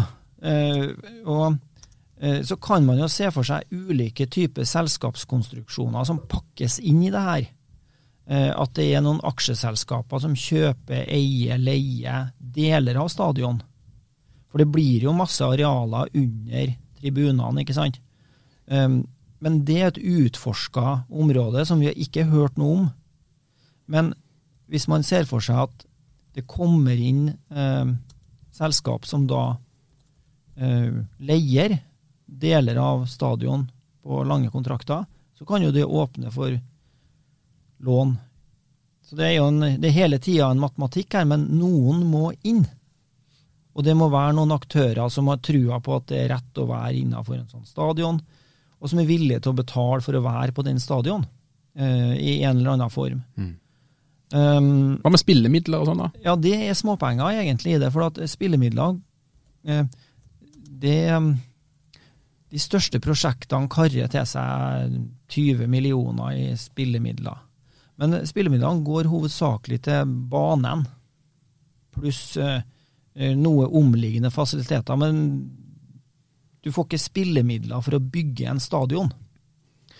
Og så er det noen regler her, da, og det gjelder jo egentlig både for spillemidler og Enova sine tilskudd og sånn, at eh, og i, hvert fall, i hvert fall for spillemidlene så er det jo slik at det må jo være klubben som eier stadion. Det kan ikke være et helt kommersielt selskap. Og nede på den flata så må det være noe mer enn Bodø-Glimt som holder på. Det må være altså en arena. Og Det samme sier jo Samfunnsløftet. Dette må være en arena. Det må være noe mer, ikke bare elleve spillere i gult. Ha Eh, og da er du på den siste store X-en. Og det er jo eh, det som man hørte veldig lite om eh, i første runde, altså det storprosjektet til rundt to milliarder. Det var jo ingen som meldte seg. Uh, verken som gavegiver eller som eh, leietaker. Det var vel én, og det var, det var ikke den største butikken i, i, i, i med all respekt, med all respekt Ja. melde. Uh, og, og, og der trenger man jo da et betydelig beløp, da. En betydelig gave. Eh, man må nesten kalle det en gave, fordi at det er så stor risiko med et sånt prosjekt at selv om de pengene skulle være pakka inn i noe leieforhold, eller noe sånt, så er det likevel snakk om at noen må øh, åpne lommeboka med hjertet. Du kan ikke regne med å få de pengene tilbake, med andre ord, hvis du investerer? Nei, det tror jeg de, eh, det skal man, eh, om man ikke skal se bort fra det, så, så er det ikke en, det er ikke en typisk eh, lavrisikoinvestering å putte noe i en fotballstadion. Nei. Det, Men for å oppsummere Og- listen din eh, her nå, da. altså Egenkapitalen til Glimt eh, kan du strekke opp mot 100 millioner. Eh, Samfunnsløftet har gitt 50 millioner tidligere. Eh, støtteordninger som f.eks. fra Enova, spillemidler, eh, 20-30 millioner. Nordlandsglimt eh, kan sitte igjen med et bo på 100 millioner. Eh, et lån eh, tatt opp av Glimt opp mot 250 millioner. Du kan få en renteeffekt av grønn stadion. Eh, du kan få en reduksjon i prisen på tomter som eh, fylkeskommunen eier. Selskapskonstruksjoner selskapskonstruksjoner inni stadion, eh, som er et utforska område. Eh, spillemidler. Og til slutt gaver fra rike Ja. onkler. Og Hvis du da begynner å se på hva er det som trengs der, da, når du liksom har begynt å lage en eh, orkestrering rundt, eh, da er du jo fort nede på at eh, 200 eh, Nei, altså 300 eh, millioner i, eh, i må eh, De kan ikke sikte lavere enn det. Det er I gaver. ja, altså en form for gaver, eller, eller ganske risikovillig, eller veldig, veldig risikovillig kapital. Mm. Eh, Du trenger ikke å kalle det gave, men du kan si at det er en veldig risikokapital. Ja. Og det beløpet, det er det dobbelte av det BHK faktisk fikk i gave. Så her er det, det er ikke sånn at dette er helt umulig. Men de fikk avgift fra Eh, én person. Riktig. Eh, her er det jo mange eh, varianter. Eh, men igjen, noen må, må komme med hjertet og ikke hjernen. Mm. det, sånn er det bare. Ja, det er realitetene. Ja. Det må komme med hjertet, ikke hjernen, og være med på å ta dette løftet for Glimt, og da samtidig for Nordland fylke. Og så vil noen si at ja, men da bruker de hjernen. Fordi at nordlandssamfunnet kommer seg liksom ikke videre hvis ikke noen er villig til å ta denne type løft, da. Og, eh, eh, for det offentlige klarer det ikke. Eh, Så hvis Nordland skal ha en fotballstadion der vi kan spille i øverste divisjon og i Europa, ja, så må noen faktisk da tenke at det her er så viktig for Nordland at vi er nødt til å ha en sånn stadion her. Og det tror jeg faktisk at det finnes noen der ute eh, som eh, går og tygger på den dag i dag. Men en At, ting som eh, du ikke har nevnt ennå, jeg vet ikke om du skal putte det inn i den lista du har lista opp her nå, men et salg av et stadionnavn, f.eks. Ja, det har jo vært eh, et tema. Men én fugl har hvisket at det ønsker de egentlig å vente med helt til the final end. Eh, jo, de har jo noen navneforslag som, eh, som jeg er litt usikker på om man skal sitte og, og De kan kanskje få lov å legge dem fram sjøl, heller. Mm. Eh, men de har jo noen ideer om idrettspark. Altså, la det være en, noe mer enn bare Bodø-Glimt. Men så er det jo også sånn at Intility stadion, ikke sant, den finnes jo, Telenor Arena finnes jo. Eh, det betales noen millioner for et, eh, et sånt skilt på veggen, da. Men det er ikke en, det er ikke en kjempehøy årlig sum. Hvor mye kan man eh, forvente Altså Ryktene sier at Intility er sju millioner i året. i året? Men, men eh, at du skulle få det samme her, det tror jeg ikke er tenkelig. Hvem er det som kan være aktuell til å få navnet sitt på stadion? Altså, Det er jo fristende fristende å peke på de aller største vi har, da. Eh, Så får vi håpe de tar det med godt humør.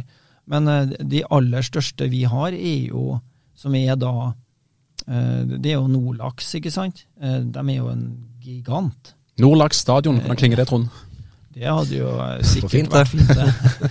Jeg, tror uansett navn så går det fint, bare vi har stadion. Ja. Og så har du jo da brødrene Adolfsen og deres nettverk, ikke sant? Norlandia stadion, ja, det er smakt av det òg. Norlandia, Stadium of Light, ja. Altså, det, det er eh, Og så er det ikke sikkert at de som ønsker å hjelpe Bodø-Glimt, er så veldig opptatt av all mulig ære, da, eh, og få navnet sitt og det er ikke sikkert det er så viktig for dem. Ehm, Og det åpner jo igjen for at eh, stadion kan selges til noe helt annet, men, eh, men vi har jo noen svære, svære aktører i næringslivet. Elkem har jo vært en, en stor bidragsyter til Glimt i mange, mange år. Um, men en stadion kan, kan være for stort, selv for Elkem. Salten Aqua Arena. Um, de hadde helt sikkert hatt lyst til at det skulle ned på Salten Aqua Arena, men da må de eh, nærmest eh, tømme alt de har av penger. og, det og, det, eh, og så er det noen snakk om Kjell Lorentzen med familien, ikke sant? Gigante. Stadium. Ja, det høres jo fint ut, det. Ja. Eh, Men igjen, det er, det er ikke sånn at alle de som nå er veldig formuende, bare kan cashe ut. For de aller fleste har ikke verdiene sine på en bankkonto. De har dem i selskapene. Så de blir altså nødt til å, å ta pengene ut av selskapene. Og mange av disse som driver med næringsvirksomhet, de ønsker jo ikke det. De ønsker jo å beholde kapitalen i selskapet for å kunne utvikle selskapet. Eh, og da er det en bøyg å skulle eh, dra eh, kredittkortet og si at nå tar vi 300 millioner her. Mm. Um, Sånn jeg tolker det nå og leser deg, altså de, jakten på de her 700 millionene for Glimt, det, det er et stykke igjen ennå, altså. Ja, det tror jeg også ut fra den eh, de har, en, eh, de har mange posisjoner på banen som må fylles, men de har litt dårlig tid. Ja. Og, Ja, hvorfor eh, har de dårlig tid? Ja, på grunn av at Frode Thomassen kaller jo Aspmyra for a burning platform. Altså Det de vet, da, det er at de, de kan ikke være der. De klarer ikke å utvikle produktet. Eh, de klarer ikke å opprettholde attraktiviteten. De, eh, over tid så er de redd for at folk ikke orker å ta på seg vinterdressen og gå på stadion. Ja, men vet du Freddy at eh, de spiller vel på eh, dispensasjon eh, per nå i Europa? Ja, det, det som er et, eh, Den store utfordringa er at de overtok jo for mange herrens år siden det gamle flomlysanlegget på Ullevål stadion og lempa det opp til Bodø. og Der har det stått i ganske mange år nå. Og det som er realitetene der, er at nå er det en tilnærmet umulig. De har kjøpt så mange reservedeler og lyspærer og den slags reflektorer til dette flomlysanlegget at nå er det ikke mer å oppdrive, heller ikke på det illegale markedet ute i den store verden. Så til slutt er lysene slukket. Og da er det ikke så enkelt. For det første, altså flomlysanlegg av den typen vi ser på Aspmyra, er det nå ikke lov å, å bygge. Så det må integreres på stadion som en del av takkonstruksjonen på tribunene. Og takkonstruksjonen på Aspmyra er ikke kraftfull nok til å bære vekta av et nytt lysanlegg integrert i stadion. Så det der kommer til å stoppe av seg sjøl idet ikke Glimt får kjøpt flere lyspærer og reflektorer.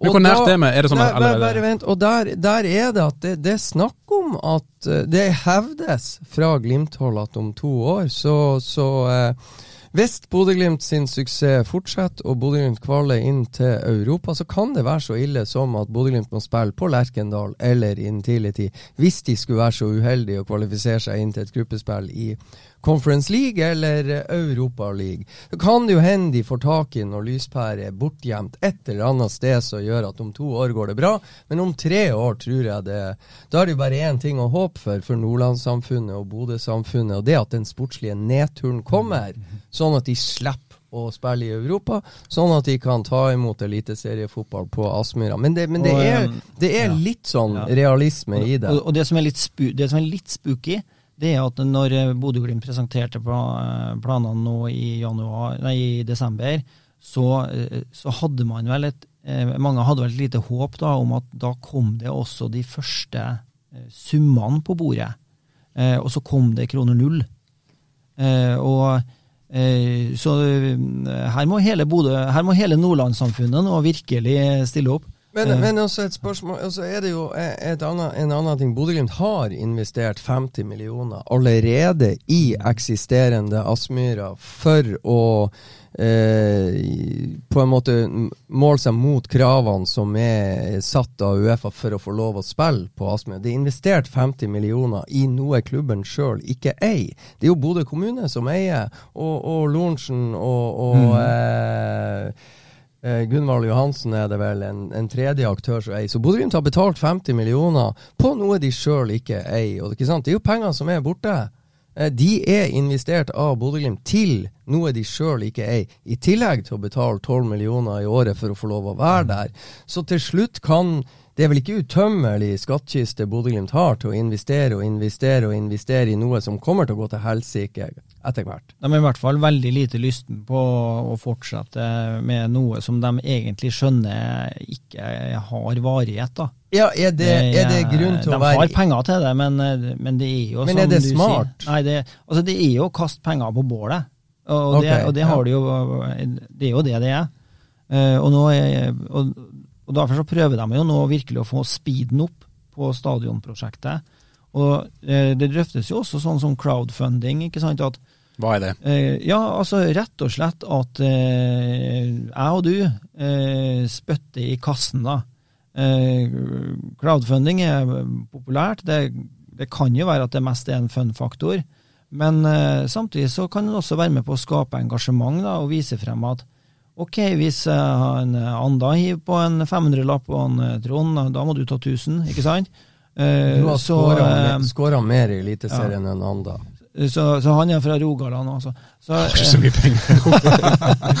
så, så, så det er liksom eh, Dette å skape entusiasme for prosjektet nå er jo det aller viktigste. da. Og, og det å få frem at det her Dette er jo en arena som kommer til å få tak. Det, det, det er jeg helt sikker på. De har jo sagt de skal levere to alternativ, ett med tak og ett uten. De kommer til å bygge ta, tak.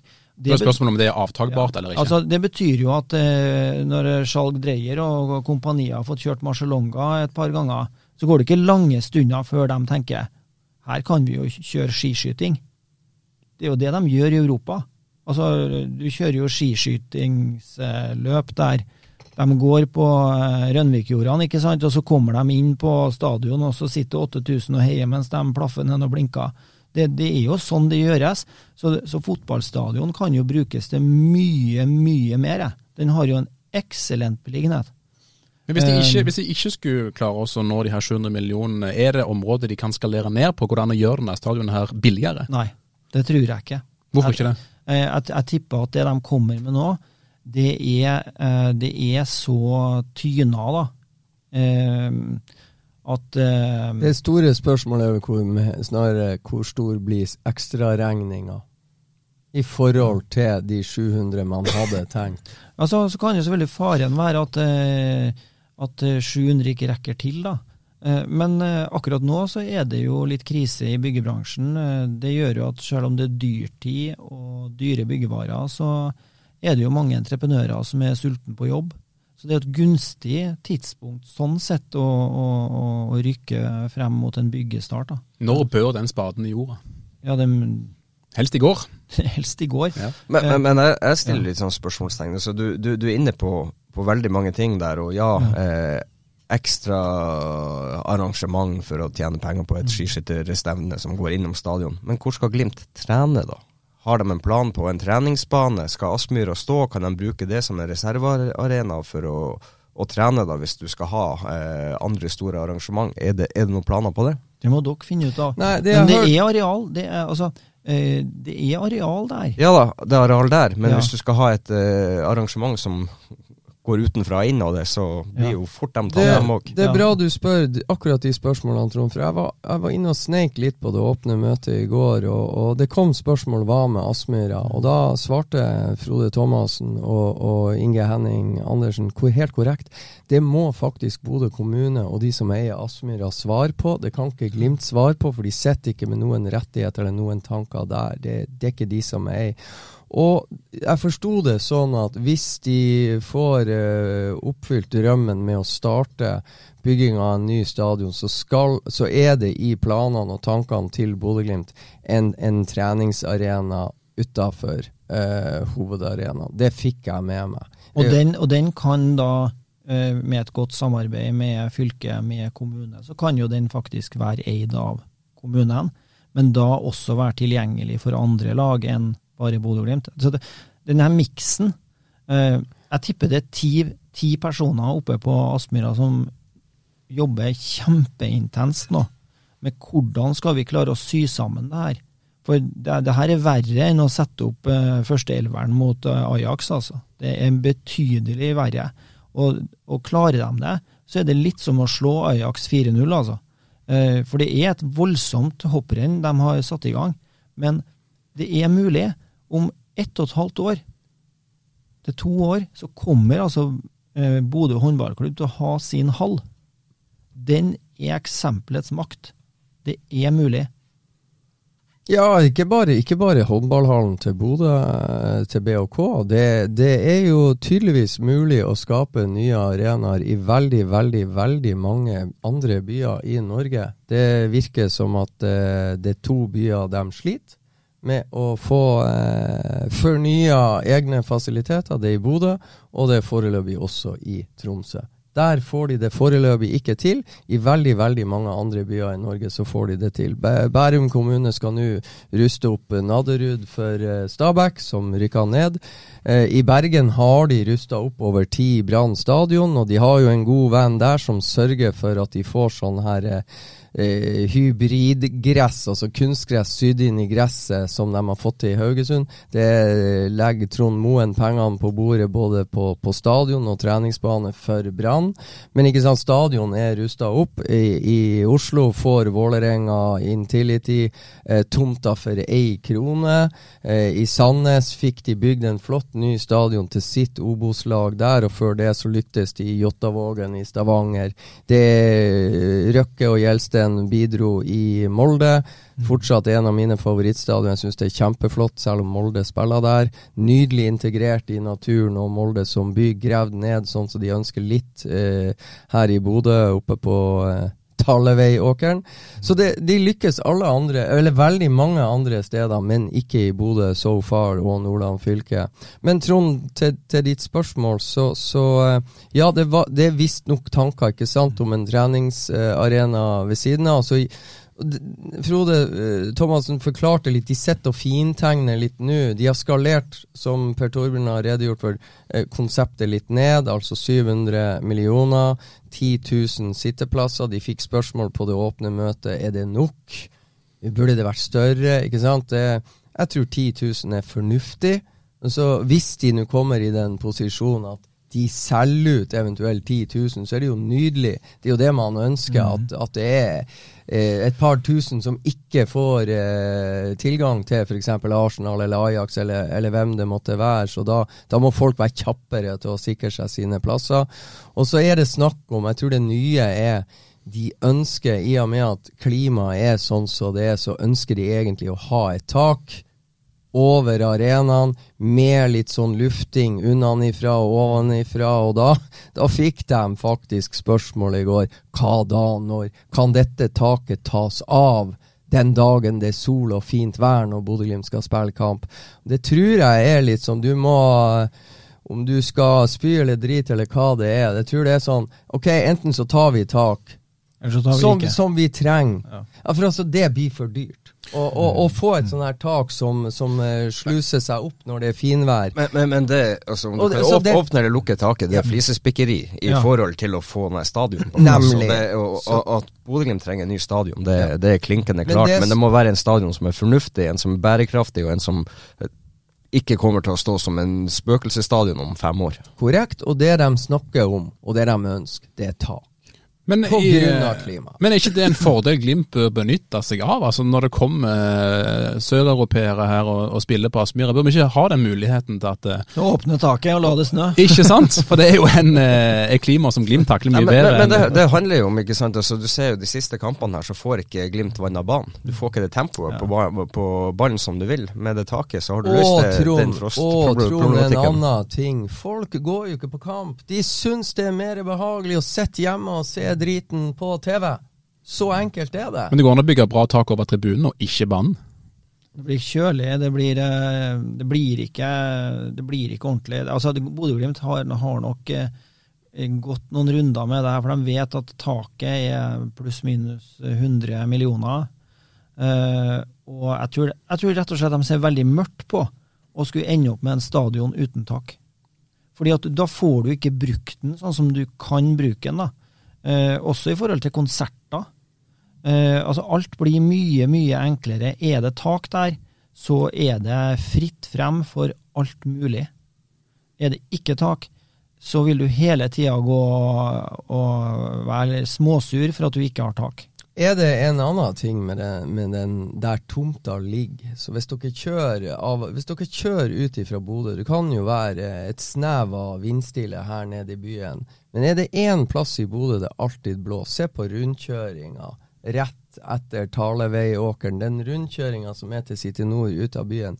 Det er Altså det kan være brøyta, det kan være avbært i hele byen. Men akkurat i den rundkjøringa der, der går det ikke an å brøyte. For det ikke sant, eh, snøen som ligger på Rønvikjordene, den er, ligger jo da i rundkjøringa, i veibanen. Akkurat i det området der. Så min påstand er, og det har jeg vært skeptisk til hele veien med den tomta der, det er ingen plasser i verden det blåser mer enn akkurat der. Ah, kanskje det er smart med tak.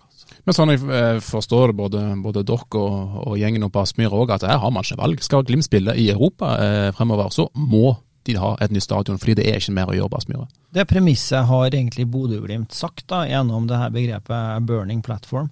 Eh, og eh, hvis det premisset er riktig, så er det tida av veien. Det, så, det, mm, så, eh, så alle gode krefter må på mange måter eh, løpe på mål. Og, og det eh, Og 700 millioner, det er masse penger. Eh, men det er ikke mer enn at det faktisk er mulig å få det til. Eh, men det, eh, det vil være eh, altså Tida fram til påske nå blir jo veldig, veldig viktig for dem. For nå har de eh, pusha ut at vi har et prosjekt. Eh, så vil de komme med noen nye skisser, regner jeg med, i løpet av ganske kort tid, for å holde tempo og temperatur i det her. Eh, og Da får vi se hvordan det her skal se ut. Eh, og så må vi da håpe at de også har eh, klart å eh, At den her, eh, kall det altså den risikokapitalen, da, som nærmest er å regne for, for gave, eh, at, at man begynner å ane at her er det noe. For eh, med, med den på bordet, da er du der. Eh, spillemidler, Enova, eh, Samfunnsløftet, det er mer sånn det triller, De pengene triller inn. Men den her store gaven, og lånet, og klubbens egenkapital, de tre brikkene der, det må de ha på plass. Og, og da har de det litt travelt. Og det tror jeg de kjenner litt på sjøl òg, og håper at, eh, at eh, flest mulig egentlig eh, forstår at det eventyret som er på Aspmyra, det tar faktisk slutt, hvis ikke de klarer det løftet her nå. Nei, for altså, Jeg må spørre om Aspmyra og, og Burning Platform osv. osv. Bodø-Glimt hevder det er for liten plass. Jeg har påpekt det her som, som faktisk er troverdig, det der med, med lys og, og, og det her. Ja. Er, jeg bare spør deg, er, er, er det troverdig, og du også, Trond? Ja, altså skal de begynne Skal de f.eks. snu Aspmyra-matta for å skape plass? Ikke sant? Snu, der er jo der er NTG og skole og leiligheter i, i, bak det målet. Det, og det er jo det er ikke så lenge siden det ble bygd, ikke sant? Det må jo nødvendigvis rives, og ikke er det så mye plass i mitt hode. Og det eneste som kan rives sånn uten problem, det er den gamle hovedtribunen. i vendt mot Hålogalandsgata, der det nå er kommet en statue av Dutte utafor. Det kan rives uten problemer. Der er det plass. Bak det andre målet er det jo leiligheter og hus, og etablert et boligfelt. Og så er det jo en del arbeidsplasser som er i den nye hovedtribunen, så det begynner å bli mange år siden den ble bygd. Den som er vendt mot der garderobene er, og der kontorlokalene til Bodø-Glimt er, der de har investert borti 50 millioner litt ny tribune ved den gamle, og nye lokaler der bowlingen var for å få plass til å ivareta kravene til Uefa. Så hvis man skal snu og ta i bruk den gamle kunstgressbanen, så må jo der Nordland idrettskrets og, og, og, og mange har sin arbeid Det må jo rives. I tillegg så det, trenger vel Glimt en arena for å spille eliteseriekamper. Så det, det høres for meg ut som ganske vanskelig, selv om hvis jeg hadde vært jævla rik, Ja, skulle jeg ønske at Bodø-Glimt hadde blitt på, på Aspmyra, men det høres Ja, ja. umulig ut. Pluss plus at eh, Men har jeg rett der? eh, det, om, det, om du har 100% rett, det, det vil helt sikkert være noen som vil si noe annet. Eh, og som eh, kanskje har en løsning, men det er jo ingen som har lagt en sånn løsning på bordet. Eh, og så er det jo også sånn at det å få på et tak rundt den eksisterende bygningsmassen Jeg skal ikke si at det er umulig, men det er jeg ganske sikker på at de har gått gjennom og kommet fram til at det er nesten umulig å skulle få en stadion under tak da, på Aspmyra. Det er jo søyler i dag ikke sant, på stadion. Det her er ikke konstruert for å bygge en Altså De byggene som er, er satt opp på Aspmyra i dag, som står der i dag, de, de er ikke laga for det her. De er, og det tror jeg gjør at det er ombygging, riving eh, det, det, det sa jo også Frode at ja, men hva skjer da? Da har vi jo ikke stadion engang. Altså, du, hvor skal vi spille da? Skal vi spille i, eh, skal vi spille i Stordalen? Altså, det er liksom Så det er bare Det går bare ikke. Nei. På, på en skala fra én til ti, for å oppsummere og runde av, hvor stor er sannsynligheten for at Klint bygger nytt stadion? Nei, den er ti, for de har ikke noe valg. Nei, Enig, Trond? Ja, de er jo nødt. Altså, Bodø og Bodø-Glimt skriker etter en ny stadion, og eh, man må bare få i gang det prosjektet der. eh. Nei, bare så, så, ser jo, så ser man jo at det, det er litt utfordringer for, til det økonomiske, men um, med en god plan og, og noen gode løsninger der, så tror jeg det, det skal la seg gjøre. Men, um, men det må være um, en plan som uh, frister mange. Ja, Og det er rett, Trond. og De må jo ha hjelp. Og det store spørsmålet er finnes det eh, aktører i fylket som har lyst å være med og bidra og hjelpe. Det er jo det vi ikke vet svaret på. Jeg håper at det er noen som faktisk blir med og, og bidrar til at det blir reali realisert. Men Og så er jo, er jo vår jobb er å stille kritiske spørsmål rundt det, og be om ordentlige redegjørelser for hva er det dere gjør, hva er det dere ikke gjør, hva velger dere inn, hva velger dere ut, hvordan skal dere få det her på plass?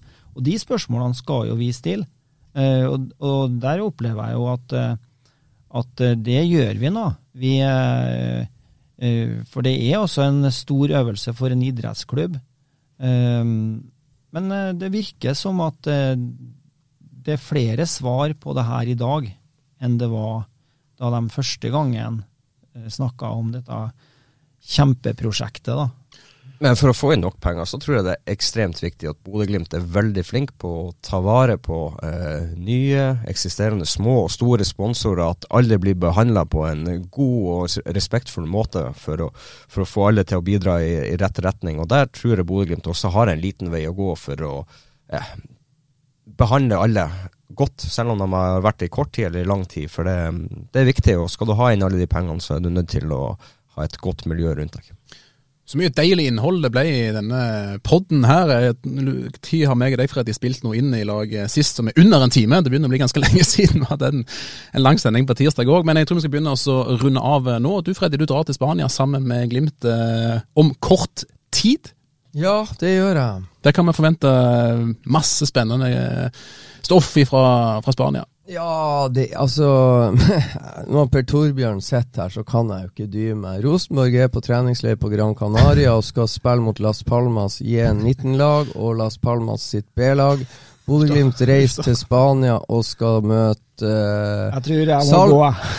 Skal møte Salzburg, Hamarby og uh, Sparta Praha med nysignerte Markus Solbakken uh, på plass. Sånn at det er jo veldig interessante eh, motstandere Bodø-Glimt skal måle krefter mot. Og Det er på tur én. På tur to så skal Malmö òg møte. Så det gledelige er at disse kampene får de jo se hos Avisa Nordland nå i år òg. Ja, det er kul motstand og, og, og, og god matching og interessante kamper, tror jeg, for, for, for Glimt-fansen som sitter igjen her i Norge, rundt om i hele Norge og egentlig hele verden og skal følge med. Så, så det blir utrolig spennende. Så det er ny trener, Gaute Helsrud, på plass sammen i teamet med Bodø-Glimt. Og det å se utviklinga Eh, han skal sette sitt preg og sin farge på ting her, og det, det blir spennende. Og så er det jo Vi har jo snakka masse om, eh, om spillerne og ei fyldig, fyldig spillertropp. Og Trond Olsen har vært med på mange, i mange sesongoppkjøringer. Og det her Jeg tror det er veldig mange av Glimt-spillerne som er veldig spent. og, og og det å få lov å sitte og se det så tett utenfra, det, det er hvem tar steg,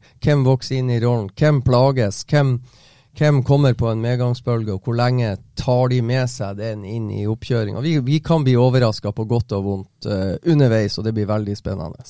Første kamp allerede neste uke, når Glimt møter Salzburg. Da er Freddy ringside. Innspill Trond på tampen. Nei, altså det, det, det er jo for, for Bodø-Glimt sin, sin del så er jo sesongen i gang. Eh, altså Første obligatoriske kamp er jo drøye en, måned. Hvordan annen klubb i Norge har det. Så det er jo klart at det, det, det er stor interesse, og det, det er mange øyer på Bodø-Glimt, og det er mange som eh, kommer til å følge med. og Derfor blir jo også motstanderne såpass tøff og god eh, frem mot eh, de to kampene mot Ajax. Du, du er inne på Rosenborg. De har ikke behov for å møte de her lagene akkurat nå, for de trenger å øve på mange andre ting. Men det var Men- artig å si til han for Torbjørn. Ja, den, den, den, den følger jeg. Men, men ikke sant, altså, det er så spennende det som skjer i, i, i Glimt nå, at uh, ja, den måneden eh, som skal telles ned mot, uh, mot Ajax, det, det blir eh, bare glede, og så blir det spennende å se hvordan trenerne håndterer laguttak og, og en tropp og, alt som kommer til å skje frem mot det. Det skal vi i Avisa Nordland love å dekke på best mulig vis. Heng med oss både på pod og på TV, og, i, og på nett og papir og, og i det hele. Da skal vi etter hvert runde av, hvis ikke dere har noe mer å legge til, gutta.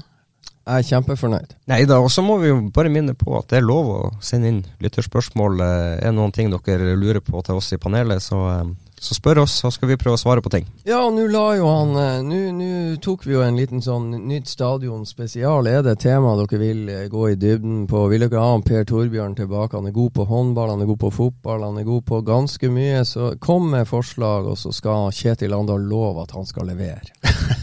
Vi lover også tilbake med en ny pod eh, neste uke. Tusen takk for at dere kom. Trond Olsen, Glimt-ekspert i Avisa Nordland. Per Torbjørn Gystad, journalist i Avisa Nordland. Og Freddy Thoresen, journalist, ekspert, alt mulig mann i Avisa Nordland. Mitt navn er Kjetil Rakkene Sanda. Takk for følget. Ha en riktig god dag.